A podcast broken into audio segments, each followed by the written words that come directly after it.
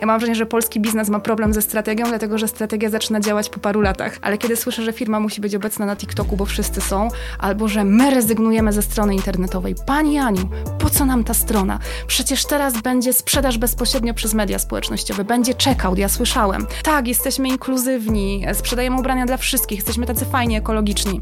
Więc mówię, sprawdzę cię kliencie, zamówiłam paczkę, paczka przyszła w folii i to jeszcze takiej czarnej. Witamy Was w cyklu eksperckim realizowanym z M-Bankiem, który prowadzi kampanię społeczną pod nazwą Cyfrowe Rewolucje, pomagającą firmom rozwijać działania w sieci. Zapraszamy na stronę www.cyfrowerewolucje.pl, na której znajdziecie bezpłatny kurs skutecznej sprzedaży, inspirujące case study firm, które odniosły sukces w internecie oraz bazę artykułów, webinarów i wzorów dokumentów przygotowanych przez ekspertów rynku e-commerce. Dzień dobry drodzy widzowie, Adrian Gorzycki, Przygody Przedsiębiorców. Witam Was w kolejnym odcinku, który realizujemy wraz z mBankiem na temat tego, jak skutecznie budować dochodowy e-commerce. A naszym dzisiejszym gościem jest Anna Ledwoń-Blacha. Dzień dobry. Dzień dobry. Co robisz na co dzień biznesowo? Kiedyś mówiłam, że okłamuję ludzi w internecie, ale to chyba złe mówienie o marketingu. Boże, pięknie się zaczyna. nie, nie. E, tak na poważnie to zajmuję się na dobrą sprawę tym, co studiowałam, bo zarządzam i uprawiam marketing. E, czyli od 6 lat zarządzam własną agencją e, reklamową, a przy okazji nadal działam na pierwszej linii boju, czyli tworzę kampanie marketingowe dla klientów. Czyli w przeciwieństwie do ludzi, którzy studiowali politologię albo administrację, ty jesteś szczęśliwa. Jestem szczęśliwa. Mówiło się, że zarządzanie Wydział Gier i Zabaw, pracy potem nie znajdziesz, no to ja sobie sama znalazłam. Mhm. I powiedz mi, jaką masz styczność z e-commerce na co dzień? Co, co dokładnie dla nich robicie? E, to zależy. Generalnie albo to jest po prostu taka stała obsługa abonamentowa kampanii, czyli po prostu prowadzenie mediów społecznościowych, prowadzenie kampanii performanceowych, e, chociaż tutaj rzadziej. Raczej dbamy o zaangażowanie klientów, naszych klientów, czyli te takie początkowe bądź środkowe etapy lejka. Dość często prowadzę też konsultacje e, i często również ostatnio budujemy strategie. Natomiast to są strategie komunikacji, strategie obecności marki w sieci, aniżeli strategie sprzedaży bądź biznesowe. Mhm. I teraz, jak długo to robicie? Jaka jest skala waszej działalności? Gdybyśmy mogli to liczbowo ująć. E, ja sama w marketingu pracuję od ponad 12 lat, e, natomiast agencja działa od lat 6. Mhm. Okej. Okay. Ilu klientów przez ten czas obsłużyliście? Kilkaset, nie liczę tego, przepraszam, nie jestem tym przedsiębiorcą, który strzela liczbami jak z karabinu, e, natomiast na pewno jest to liczba powyżej 300, jeżeli bierzemy pod uwagę również jakieś tematy strategiczne i nie tylko działania abonamentowe. I na czym polega wyjątkowość waszej pracy? Czym się wyróżniacie na tle innych agencji, których w Warszawie jest pewnie co najmniej kilka? W Warszawie pewnie kilkadziesiąt, my jesteśmy z Krakowa. E, ja okay. tu patriotyzm lokalny okay. duży, chociaż nawet z samego Krakowa nie jestem. E, no właśnie koncentrujemy się na tych początkowych środkowych etapach lejka. Mówimy, że dbamy o zaangażowanie, mówimy, że dbamy o customer experience klientów, naszych klientów. E, nie sprzedajemy naszym klientom sprzedaży. I, I jak, jak ludzie reagują na, na, na, te pojęcia? No bo dla wielu, którzy niekoniecznie są z branży marketingowej, to może brzmieć troszeczkę enigmatycznie i wyobrażam sobie, że niektórzy z nich mogą powiedzieć, aha, Czyli nie generujecie sprzedaży, i się zasłaniacie jakimiś buzzwordami. To zależy z kim rozmawiam. Mhm. E, ja też nie jestem dobra w sprzedaży bezpośredniej, dlatego mam swoich handlowców. Niech każdy zajmuje się tym, co e, potrafi i, i, i dobrze robi. Natomiast e, no teraz mamy wywiad. Zakładam, że po drugiej stronie są osoby, które chcą dowiedzieć się czegoś więcej i ewentualnie mają telefon pod ręką, będą googlać, więc wolę ciągnąć w górę, a nie w dół. Natomiast jeżeli chodzi o rozmowy sprzedażowe z klientami, jakby język jest dopasowywany do poziomu wiedzy po drugiej stronie. Czy to ekranu, jeżeli to jest spotkanie online, czy po prostu do, e, dopasowywane do poziomu rozmówcy. Więc teraz być może zabrzmiało to strasznie, natomiast klientom tłumaczymy, że jakby biznes to nie jest tylko i wyłącznie działanie tu i teraz. My, nie, my chcemy klientom uświadamiać, że biznes i marketingowe podejście do biznesu to jest brak takiej miopii, e, czyli brak myślenia krótko terminowego. Ja mam wrażenie, że polski biznes ma problem ze strategią, dlatego że strategia zaczyna działać po paru latach. A my postrzegamy biznes tu i teraz e, bardzo krótkowzrocznie. E, zresztą powtarzam, że my niekoniecznie pokolenie Z, ale w ogóle jako ludzie teraz jesteśmy pokoleniem instant. Wszystkiego chcemy tu i teraz, natomiast to podejście strategiczne, e, myślenie również przez pryzmat świadomości marki, budowanie zaangażowania, wychowywania sobie klienta na później, to jest myślenie strategiczne, długofalowe. I z tym jest duży problem. Natomiast ponownie chcę ciągnąć w górę, a nie w dół i edukować rynek. I zdarza się, że klienci rezygnują i idą do agencji, która sprzedaje tu i teraz i to są tylko i wyłącznie działania performance'owe, czyli sprzedajemy, sprzedajemy, sprzedajemy i wracają po dwóch latach, bo się okazuje, że sprzedaż tu i teraz działa tu i teraz, tylko nagle e, pokolenia się zmieniają, konsument się zmienia i trzeba traktować ten biznes i marketing zupełnie inaczej. Z czego wynika to, że podchodzicie w taki, a nie inny sposób do marketingu? No bo zdarzyło mi się rozmawiać z kilkunastoma, jak nie więcej, właścicielami e, agencji i wydaje mi się, że chyba nie słyszałem wcześniej tego, że jakaś agencja ma akurat takie podejście jak wy, że wy bardziej stawiacie na zaangażowanie i na bardzo długoterminowe budowanie relacji z daną marką, a nie sprzedaż tu i teraz. Ja lubię obserwować. E, pracowałam po stronie klienta, pracowałam w różnych agencjach i widziałam, czym się kończy to myślenie tylko i wyłącznie krótkoterminowe. Dla mnie to była taka um, praca na zasadzie pożogi, e, palenia ze sobą mostów, e, bądź działanie krótkoterminowe i widziałam, że startupy i firmy na przykład padały po roku. E, strategia nie jest dla mnie gwarantem istnienia biznesu, ale widzę, że kiedy ten biznes posiada strategię i w dobry sposób ją egzekwuje przy okazji, e, to faktycznie albo szybciej się skaluje, albo jest w stanie szybciej osiągać pewne zyski. E, natomiast e, e, oczywiście szybciej, co nie oznacza, że w przeciągu tygodnia.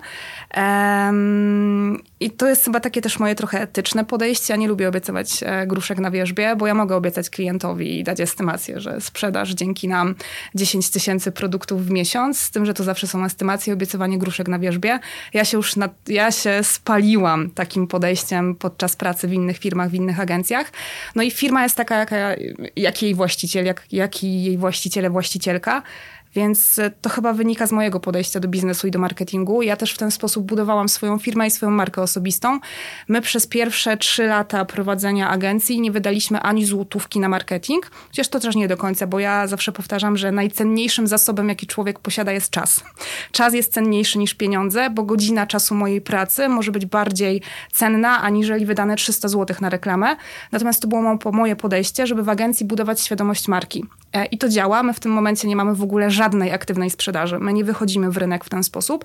Nasi sprzedawcy aktywnie nie sprzedają. E, wszystko, co wydarza się w firmie, wszystkie lidy, wszyscy klienci przychodzą ze względu na świadomość marki, jaką budujemy, na to, jaką zbudowaliśmy kulturę organizacyjną, na to, jakie mamy działania CSR-owe i PR-owe, przez co my nadal wydajemy bardzo mało na reklamę, a lidów jest coraz więcej. Natomiast to było budowane latami. Przez trzy lata to nie było takie szybkie budowanie biznesu, natomiast ja byłam świadoma. E, oczywiście przez te trzy lata firma musiała istnieć.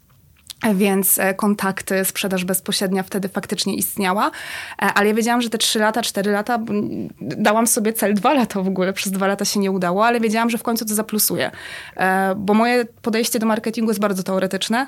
Ja uwielbiam Kotlera, Ogilwiego, Trouta i tak dalej.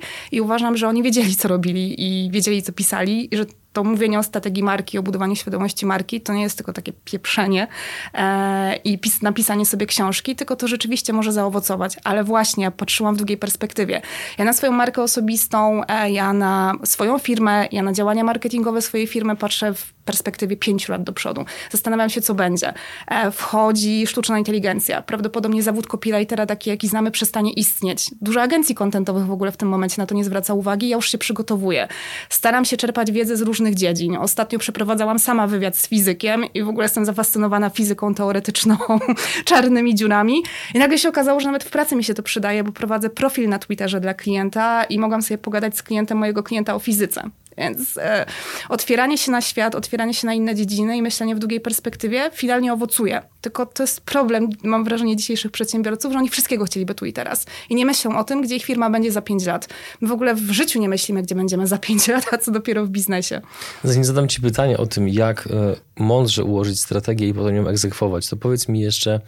Mm, czy przedsiębiorcy nie, nie, mają takiej obawy, która e, być może w niektórych scenariuszach jest nawet słuszna, że kiedy mamy tak zwaną sprzedaż tu i teraz, no to wkładamy 100 zł, wyjmujemy na przykład 300 zł, wszystko się zgadza. A w przypadku tego, co ty mówisz, oczywiście wiem, że rozmawiamy zaledwie e, kilka minut, więc pewnie jeszcze sporo rzeczy wybrzmi, ale na ten moment z tego, co ty mówisz, no to przedsiębiorca ma postawić pewien zakład, ma stworzyć pewnego rodzaju strategię, która zmaterializuje się lub nie za kilka lat. Inaczej, dla mnie to jest synergia podejścia. Ja zawsze powtarzam, że tutaj trzeba sobie to procentowo rozłożyć, czyli na przykład 60% zasobu czasu i pieniędzy na to, żeby budować markę, 40% na taką sprzedaż bezpośrednią. Natomiast e, tak jak w przypadku działań marketingowych uważam, że przywiązywanie się do jednego kanału nie ma sensu, tak uważam, że przywiązywanie się do jednej agencji, do jednego partnera biznesowego też nie ma sensu. Więc kiedy my budujemy strategię i patrzymy na firmę długofalową, jednocześnie firma może pracować z inną agencją, która dba o tą sprzedaż tu i teraz jest agencją performanceową. I to się sprawdza, przynajmniej z klientami, z którymi pracujemy. Ale my nie jesteśmy firmą dla wszystkich. Kiedy jest takie piękne przysłowie, że e, nie jesteś zupą pomidorową, żeby cię wszyscy lubili, ale nawet zupy pomidorowej wszyscy nie lubią, więc my też nie jesteśmy agencją dla wszystkich. E, to jak w związkach, tego kwiatu jest pół światu, jak to się mówi. Mhm. E, więc każdy znajdzie swojego partnera do współpracy i są tacy ludzie, którzy myślą również tak jak ja i jak nasza agencja i my na siebie trafimy. Jeżeli ktoś myśli inaczej, Sami, sam powiedziałeś, tak, że tych agencji jest kilkadziesiąt. Każdy znajdzie swojego partnera do biznesu. Mhm. No to teraz okej. Okay. Jak podejść do kwestii układania strategii, aby za pięć lat nie obudzić się z ręką w nocniku, że chyba się pomyliliśmy? E, ja lubię odrabiać zadanie domowe, czyli przede wszystkim zaczynam od takich podstaw, jak audyt i analiza. Bardzo rzadko mamy okazję skupić się e, na tym podstawowym kroku, jakim jest analiza konkurencji, taka bardzo pogłębiona. E, ja czasami zachowuję się jak klient mojego klienta, tak? Albo staram się zachować jak swój własny klient. I przynajmniej staram się to zrobić raz do roku. Ponadto audyt moich własnych działań jest dla mnie kluczowy, ale audyt taki na zasadzie 360. Dla mnie marketing to wszystko to, co firma robi, bo nawet to, jak wygląda pani w administracji i co robi moja sprzątaczka wpływa na mój biznes i na to, jak jest postrzegana moja firma, bo posprzątane biuro też świadczy e, wobec mojego klienta o tym, jak, e, jak, jak działamy poniekąd. E, więc audyt analiza jest podstawą. Audyt analiza daje też podstawę do tego, żeby pracować później nad kolejnymi krokami i działaniami. No i drugą taką rzeczą kluczową jest dla mnie grupa docelowa i persony uwielbiam działania kontentowe, dlatego że one też działają w dłuższej perspektywie. I ktoś kiedyś powiedział takie piękne zdanie, że content marketing jest o twoim kliencie, a nie o tobie. E, I ja to sobie zapamiętałam i lubię też powtarzać moim klientom, bo my mamy um, tendencję do wypowiadania się z perspektywy ja, ja, ja. Mój biznes, moja firma, zapominając, że mój biznes i moja firma istnieje po to, żeby pomagać klientom, bo na tym zarabia. Ja nie jestem idealistką, jakby biznes musi zarabiać, ale nie będzie zarabiał, jeżeli nie będziemy spełniać potrzeb naszych klientów. A żeby spełniać ich potrzeby, musimy ich poznać, więc grupa docelowa i tworzenie dobrych person to podstawa e, i ich ewaluacja. Bo takie sytuacje jak pandemia, jak e, sytuacja geopolityczna, jak inflacja, jak wymiana pokoleniowa, bardzo dużo w kontekście naszych person zmienia. Kolejna rzecz to cele e, dostajemy w firmie dość dużo briefów. Jest ich przynajmniej kilkanaście, kilkadziesiąt tygodniowo. E, I większość briefów na przykład w swoich celach obecności w mediach społecznościowych ma większą liczbę polubień. No za lajki chleba nie kupię, rachunków też nie opłacę za przeproszeniem. To jest najgorszy cel z możliwych. Ponadto ludzie też wiedząc, że e, dbamy o to zaangażowanie, je dużo mówię o świadomości, często w briefach e, jako cel określają budowanie świadomości marki. Tylko czym jest budowanie świadomości marki? Każdy cel wymaga dobrze postawionych KPI-ów. Cele dzielimy na cele strategiczne, operacyjne i taktyczne. I oczywiście my to klientom tłumaczymy, ale klient sam z siebie też musi dojść do wniosku, co on w ogóle chce osiągnąć. Bo większa liczba polubień na profilu to jest cel taktyczny, który raczej nas do sprzedaży i, i pozyskiwania klientów nie doprowadzi, przynajmniej w sposób bezpośredni. E, więc to określanie celów jest kluczowe, bo dzięki temu wiemy, dokąd dążymy. Poza tym e, mam wrażenie, że ludzie boją się stawiać celów, bo ich nie wypełniają. Natomiast dla mnie niewypełniony cel jest czymś pięknym, o ile my na tej podstawie jesteśmy w stanie wyciągnąć wnioski. E, nie chodzi o to, żeby te cele zmieniać w trakcie, chociaż też trzeba czasami elastycznie. Pandemia była takim przykładem. E-commerce powinny pójść w górę, choreka zdecydowanie swoje cele e, zmienić. Natomiast kiedy celu nie udaje się osiągnąć, to nie jest koniec świata. To jest po prostu moment, żeby przepracować pewne rzeczy i zastanowić się, co zrobiliśmy źle i co możemy zrobić lepiej. E, I dopiero później są wszystkie inne rzeczy, jak kwestia związana z wyborem kanałów komunikacji, z formatami komunikacji. Kiedy ja słyszę, że w trendach jest TikTok, po pierwsze to nie jest trend, na Boga. TikTok istnieje od dekady, więc ciężko mówić o trendzie, ale kiedy słyszę, że firma musi być obecna na TikToku, bo wszyscy są, albo że my rezygnujemy ze strony internetowej. Pani Aniu, po co nam ta strona? Przecież teraz będzie sprzedaż bezpośrednio przez media społecznościowe, będzie checkout, ja słyszałem. Albo po co mi ta strona mogę sprzedawać na marketplace Facebooka? A ja się pytam, a to, dobrze, ale co zrobisz, jak dostaniesz bana na Facebooku, bo media społecznościowe wypożyczamy jak mieszkanie. W każdym momencie ktoś nas może z nich wyrzucić.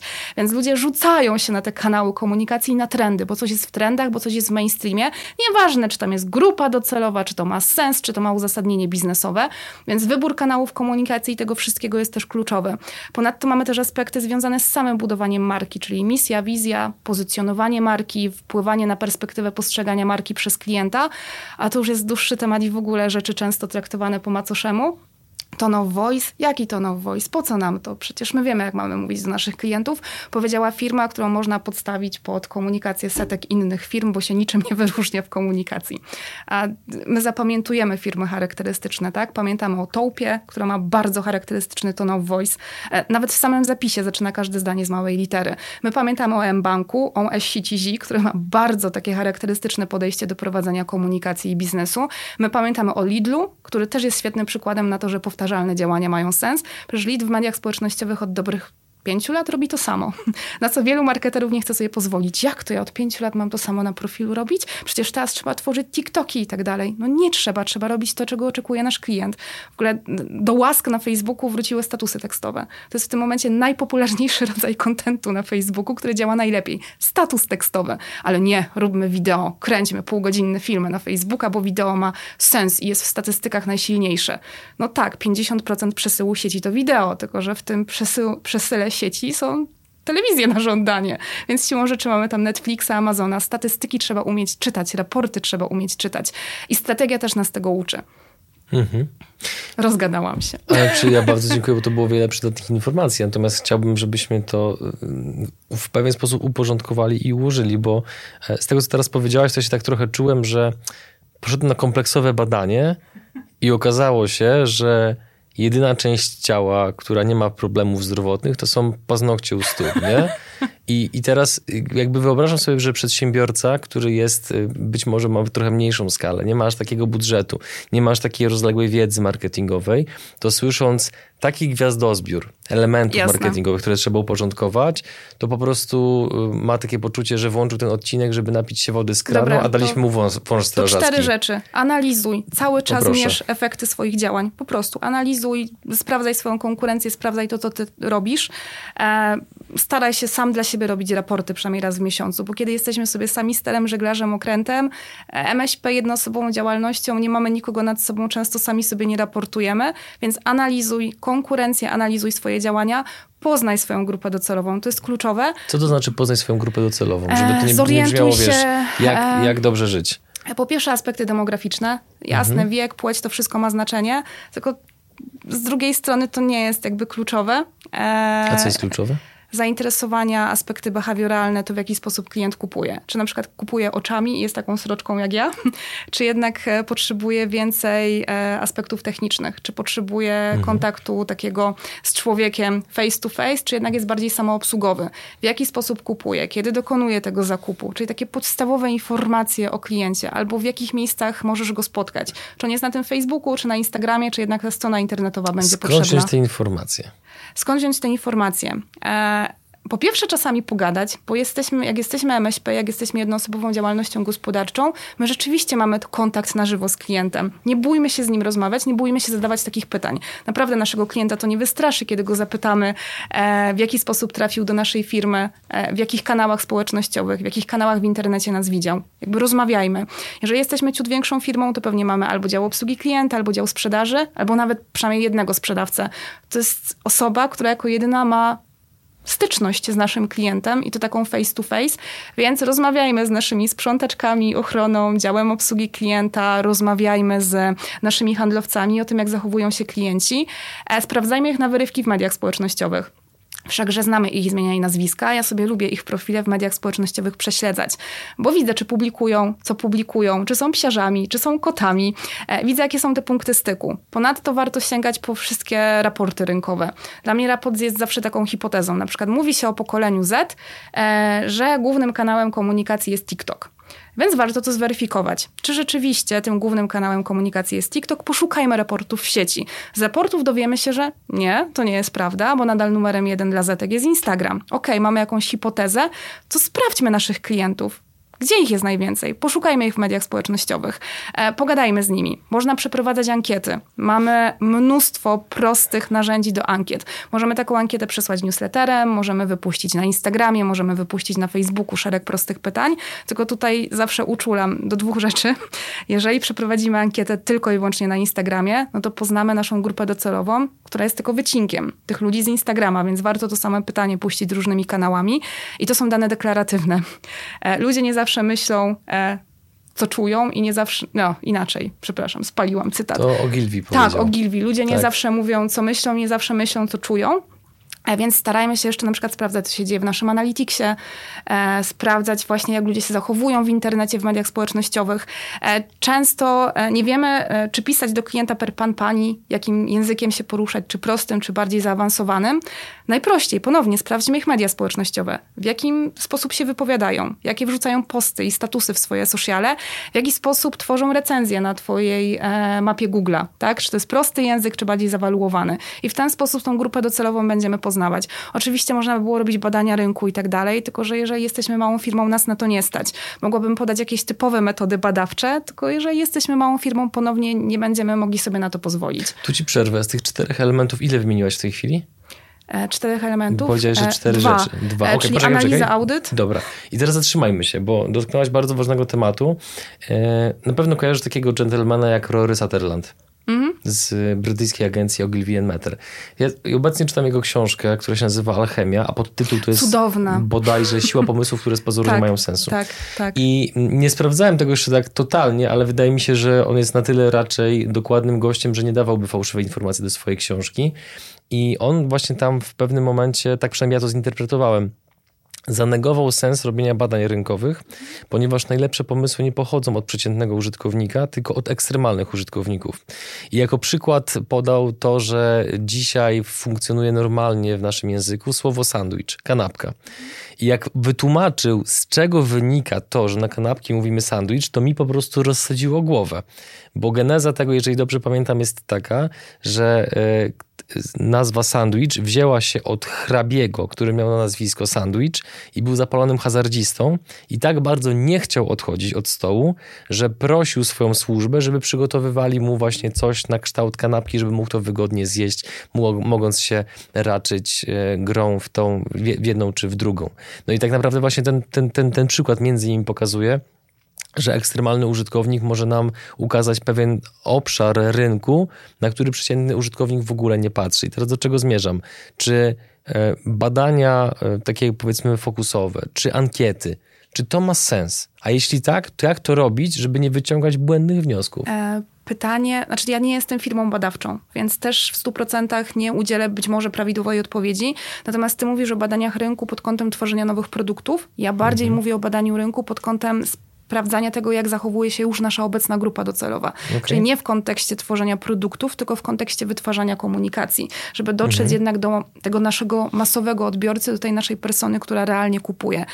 E, natomiast e, ja ale, mogę... Czy, ale czy nawet w tego typu badaniach, czy z Twoich doświadczeń, ludzie mówią prawdę, czy mówią to, co brzmi dobrze? To jest e, kwestia osoby, która przeprowadza badanie, żeby tak przeprowadzić wywiad, aby nie naprowadzać osoby po drugiej stronie na odpowiedzi. Bo jeżeli my źle zadamy pytanie, o, mogę cię zapytać, czy wolisz wodę gazowaną, czy niegazowaną, w życiu nie przyjdzie ci do głowy, żeby odpowiedzieć, że wolisz kranówkę a możesz pić kranówkę. Natomiast my zadaliśmy mm. pytanie, czy woda gazowana, czy niegazowana. Okay. A może chcieliśmy zbadać, czy jednak nasi ludzie kranówkę piją. Więc to jest sztuka zadawania pytań też. To jest e, sztuka tworzenia w taki sposób ankiety, aby pojawiały się pytania kontrolne po drodze.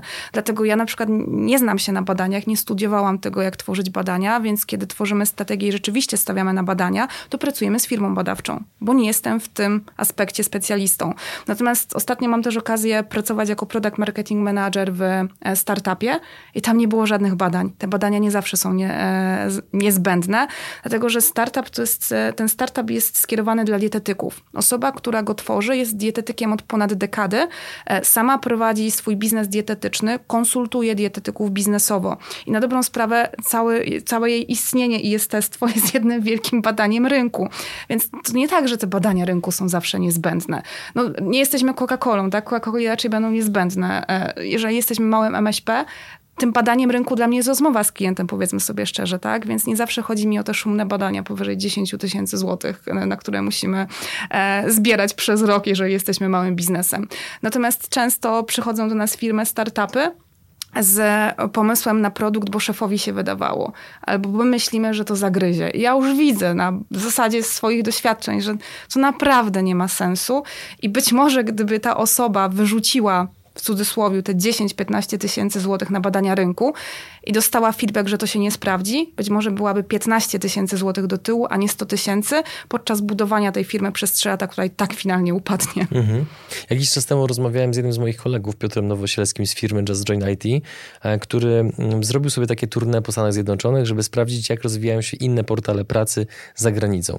I spotkał się z takim jednym prezesem, który powiedział, że od raz, raz w roku ma taką powiedzmy dwutygodniową funkcję, tak to przynajmniej ja pamiętam, która się nazywa Frontline CEO, co mniej więcej polega na tym, że ten prezes bierze sobie swoich 100 najważniejszych klientów i ze wszystkimi umawia się na takie mm. długie, pogłębione kole, żeby zrozumieć ich potrzeby, potrzeby, zmieniające się trendy, zmieniające się mm, otoczenie makroekonomiczne i tak dalej, dzięki czemu to powoduje, że jego decyzje a propos kierowania firmą, firmą są na zupełnie innym poziomie jakościowym, no bo to robi de facto osobiście i przez to, że bardzo mocno czuje branżę, no to potem z tej setki rozmów praktycznie wychwycisz coś, co tak. jest takie bardzo, bardzo unikatowe, e, nie?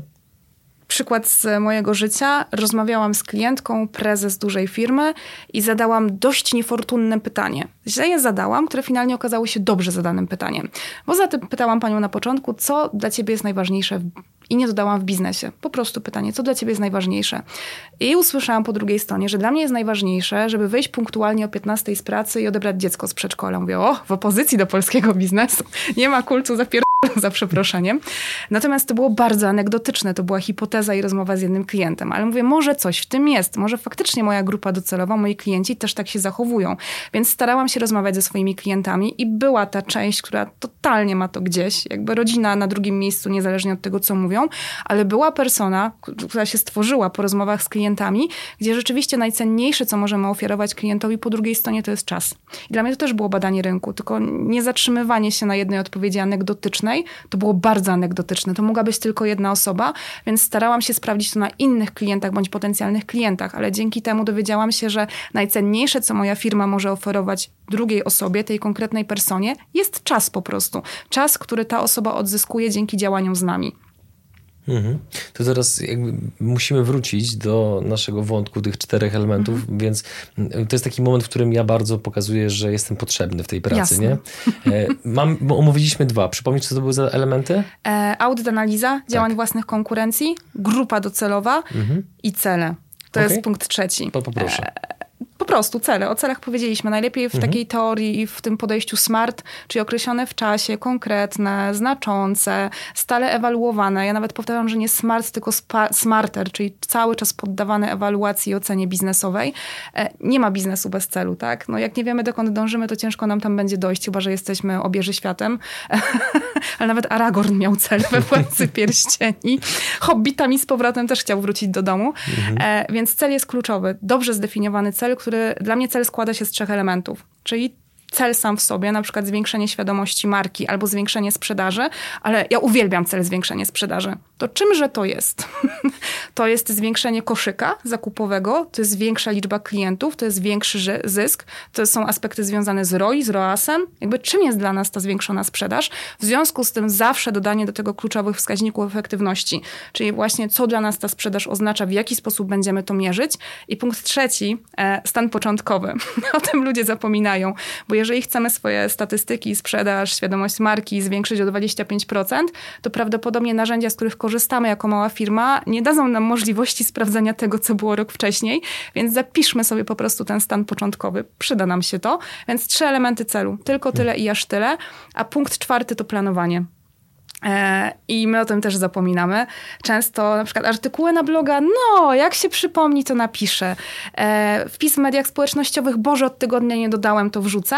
Więc po prostu planowanie swoich działań. E, jak dla mnie planowanie na początku jest problematyczne, bo trzeba usiąść i to zrobić. Natomiast planowanie uczy nas też tego, że można prościej, można łatwiej, można szybciej.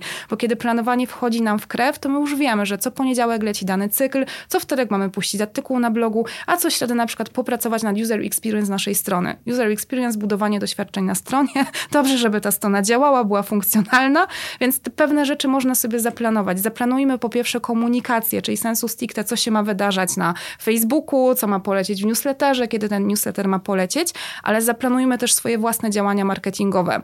E, często firmy tak, no, są sobie same sterem, żeglarzem, okrętem, więc są wynieść, przynieść, pozamiataj. I nie mają czasu na marketing. I zawsze twierdzą, że marketing nie działa. No ale z pustego to i Salomon nie naleje, więc jak poświęcasz na marketing 5 minut, no to siłą rzeczy ten marketing nie będzie działał. I uwielbiam zdania, nie mam czasu. Na Boga, my wszyscy mamy tyle samo czasu. Naprawdę, 24 godziny w ciągu doby. Ja nie mam 26, a ty 13. Każdy z nas ma 24 godziny. Tylko to jest nasza kwestia co my z tym zrobimy. E, ja na przykład robię prasówki na toalecie.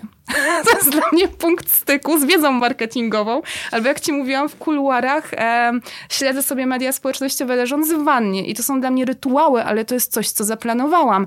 Więc zaplanujmy sobie czas na marketing. Wpiszmy w kalendarzu, że w poniedziałek 10-12 to jest po prostu czas na działania marketingowe. Dodatkowo mierzmy to. Czy jeżeli wiemy, że godzina czasu naszej pracy kosztuje 300 zł, czy 200, czy 150, to to jest jednak budżet, który wydajemy, więc analizujmy, czy ten czas poświęcany na marketing rzeczywiście przynosi nam korzyści w dłuższej perspektywie, albo w tej krótszej, jak już tak wolimy.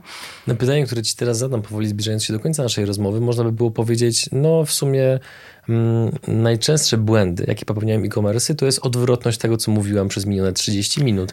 E, niemniej, jakie błędy najczęściej ty widzisz właśnie wśród e-commerce? Takie rażące, ale, ale, ale też jeszcze jedną, tutaj dodajmy jedną wariancję że są to rażące błędy, ale jednocześnie takie, które można stosunkowo szybko poprawić, żeby poczuć szybko efekt, a propos pokolenia To instant. ja podam na przykładach. Proszę. Bardzo proste i małe problemy.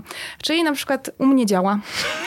Klasyka. Klasyka. To jest case naszego klienta, gdzie nagle maksymalnie spadła liczba zakupów. Okazało się, że coś na stronie się wykrzaczyło, albo ktoś specjalnie coś włączył albo wyłączył. Nie dało się dokonać zakupu bez zalogowania się zmuszanie użytkownika do dokonania zakupu po zalogowaniu. dobry, dobry plan. Nie, nie dochodzimy do tego, co tam się wydarzyło i kto, jak to się stało, natomiast jakby daliśmy znać klientowi, że drogi kliencie, to spadek może z tego wynikać. Na co klient odpisał, u mnie działa. No dlaczego działa? Bo klient był zalogowany, to dokonał zakupu. Drugi kwiatek, dodanie pop-upu na koszyku no, y, dodanie czegokolwiek na koszyku jest po prostu grzechem. Koszyk to koszyk i mamy tam naszego klienta niczym, ale totalnie niczym nie rozpraszać. Więc pop-up, który wyskakuje, kliencie, mamy dla ciebie raba, dowocuje tym, że klient sobie po prostu z tego koszyka wychodzi, już więcej nie wraca. E, I trzecia rzecz, czas ładowania strony. No, ludzie chcą wszystkiego tu i teraz. Mikromomenty, pokolenie instant, nie jesteśmy w stanie czekać. Więc jak twoja strona na mobile ładuje się 3 sekundy, to jakieś 2 sekundy za długo. Poza tym my nadal myślimy przez pryzmat desktopu naprawdę weszliśmy już w tą erę mo mobile, tak? Już, już mamy mobile. 10 lat wchodziliśmy, w końcu się udało. Mamy też erę e-commerce, więc kiedy klient jakby e, patrzy na swój biznes e-commerce'owy przez pryzmat desktopu, to nie patrzy tak jak e, klient, który jednak kupuje przez pryzmat mobila. Więc czas ładowania strony i to, czy ta strona w ogóle jest atrakcyjna na mobilu, ma ogromne znaczenie. I z takich rzeczy już pomniejszych, też ostatni case mojego klienta, który chciał być zero waste, less waste super. Jakby ja też jestem za tym. Też nie dla wszystkich, bo ekologia jest droga. Ekologia jest dla uprzywilejowanych niestety w dzisiejszych czasach. E, natomiast klient chciał być zero waste, less waste, inkluzywny, e, ubrania dla wszystkich, etc. Dwa podstawowe błędy. Komunikacja, tak, jesteśmy inkluzywni, sprzedajemy ubrania dla wszystkich, jesteśmy tacy fajnie ekologiczni. Więc mówię, sprawdzę cię kliencie, zamówiłam paczkę, paczka przyszła w folii i to jeszcze takiej czarnej, owiniętej w bardzo niefajny sposób. W środku oczywiście wypełnienie plastikowe totalne, a na sklepie rozmiary XS i S. jest taki totalny dysonans poznawczy. Więc ja mówię o rzeczach wielkich, ale my czasami o tych małych faktycznie zapominamy. O mhm. totalnych pierdołach, powiedzmy sobie szczerze, ale one są kluczowe. Plus też warto jednak mimo wszystko poznać grupę docelową i warto też poznać psychologię. E, małe rzeczy czasami na sklepie potrafią sprawić, że klienci nie kupują. I o dziwo jest taka grupa docelowa, która kupuje tylko wtedy, kiedy wysyłka jest e, przy pomocy Poczty Polskiej. Dziwne, nie? E, Ciekawe. Ja, ja, jestem rośliniarą. Urban Jungle te sprawy, mam 80 ponad roślin w domu. I rośliny są drogie. Taka mała roślinka potrafi kosztować 6 stów. E, I jedynie Poczta Polska ma w swoim regulaminie zapisane, że można wysyłać rośliny. Czyli jeżeli klient zamówi paczkomatem albo przez kuriera, to jaka reklamacja? Przecież roślina, roślina może zmarznąć. Nie ma w regulaminie wysyłki roślin. To kliencie zrobiłeś na własną odpowiedzialność. Więc tylko wysyłkę pocztą polską realnie można wtedy zareklamować, bo Poczta Polska oficjalnie ma zapisane, że rośliny można przesyłać. Więc to jest jedna rzecz. Druga rzecz, aspekt psychologiczny ze stroną o nas. Wyobraź sobie, że wchodzisz na sklep i nie ma sekcji o nas coś ci nie gra, nawet podświadomie, nie masz zaufania, to nie budzi bezpieczeństwa. Jak ta sekcja o nas jest, nigdy tam nikogo nie było, w cudzysłowie. Natomiast jak jej nie ma, aspekt psychologiczny, no coś nam nie gra, jednak czegoś nam tutaj brakuje. Mamy jakiś dysonans, nie wiemy o co chodzi, ale jest w nas coś takiego, co, co, co nam nie pasuje. Więc czasami takie małe rzeczy mają znaczenie. A propos ekologii, to z 2-3 dni temu widziałem, że w niektórych regionach polskiego internetu mm, pojawiło się takie oburzenie, że pewien polski, raczej miliarder, wypowiedział się... E, tak, kom, nie no, mówmy prosto, Komarch Janusz. tak, ja. wypowiedział się a propos tego, Prywatny że trzeba... samolot nie jest problemem. tak, jeść mniej mięsa, jeździć mniej na wakacje, natomiast prywatny jet nie jest, nie jest znaczy, kłopotem. Wiesz, co mnie to nie dziwi? Po pierwsze, ludzie mają różne podejście, różne rzeczy mówią. E, sam Komarch robi też dobre rzeczy. O Komarchu mówi się wiele, powiedzmy sobie szczerze, natomiast ja mam ludzi, którzy tam pracują, są totalnie zadowoleni, co zawsze jest takie w opozycji. Jak to? Mhm. e, więc takie wypowiedzi się zdarzają. E, no cóż, nie wiem, czy ktoś chlapnął, czy nie, nie zakładam, nie znam, ale no, nie wiem, do czego dążyłeś. Wytnijmy to. Wiesz co, to miała być tylko i wyłącznie wstawka do tego, żeby zamknąć klamrą nasz wywiad pytaniem, które absolutnie nie ma związku z e-commerce'em, niemniej ale jest... firmy sobie też wycierają ekologią wiele rzeczy, powiedzmy sobie szczerze, tak? Jak mhm. firmy, które wprowadzają w tym momencie na przykład e, płatny zwrot towarów. Dlaczego? No, żeby ślad węglowy był mniejszy, bo jak będzie płacenie za zwrot towarów, to ludzie nie będą tyle przecież zwracać. No, a to wszystko z ekonomią. metaliczny zapach kapitalizmu, jak Green. się o tym słyszy. jak, czekaj, twoja konfa tak się nie... nie. Święto kapitalizmu, tak, tak jakby zapraszamy, 7 października. Tak. E, kończąc i zadając właśnie to ostatnie pytanie, mm, jak wpadłaś na to, bądź jak to wdrożyliście, jak zareagował na to rynek oraz zespół, kiedy w waszej firmie pojawił się, nie wiem czy to dobrze nazywam, Urlop menstruacyjny. Urlop menstruacyjny, dokładnie. Jak na to wpadłam? Jestem kobietą, na co tu wpadać? Mam okres, mam miesiączkę, jakby to... Jest, nie czuję się atakowana, to jest normalne pytanie. Pierwszy raz to słyszę. Jest to pewnego rodzaju nowum. Myślę, że dla wielu polskich internautów również. Na co tu wpaść? Mam okres, ja z czym to się je. Eee, jak na to wpadłam? Ja lubię obserwować. Obserwuję rynek zagraniczny. E, lubię też prewencję. Wychodzę z założenia, że wolę pracownika wysłać na badania, niż potem mi idzie na L4 na miesiąc. E, kultura organizacyjna, procesy w firmie są tak stworzone i zbudowane, że jeżeli pracownik weźmie jeden dzień dodatkowego urlopu na żądanie, świat się nie skończy, klienci nadal będą obsłużeni, a pracownicy będą bardziej zadowoleni.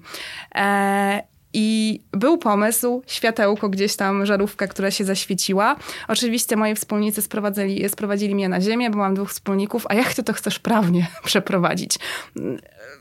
To prawda, ja jestem dobra w marketingu, ale od administracji mam ludzi i od kwestii prawa.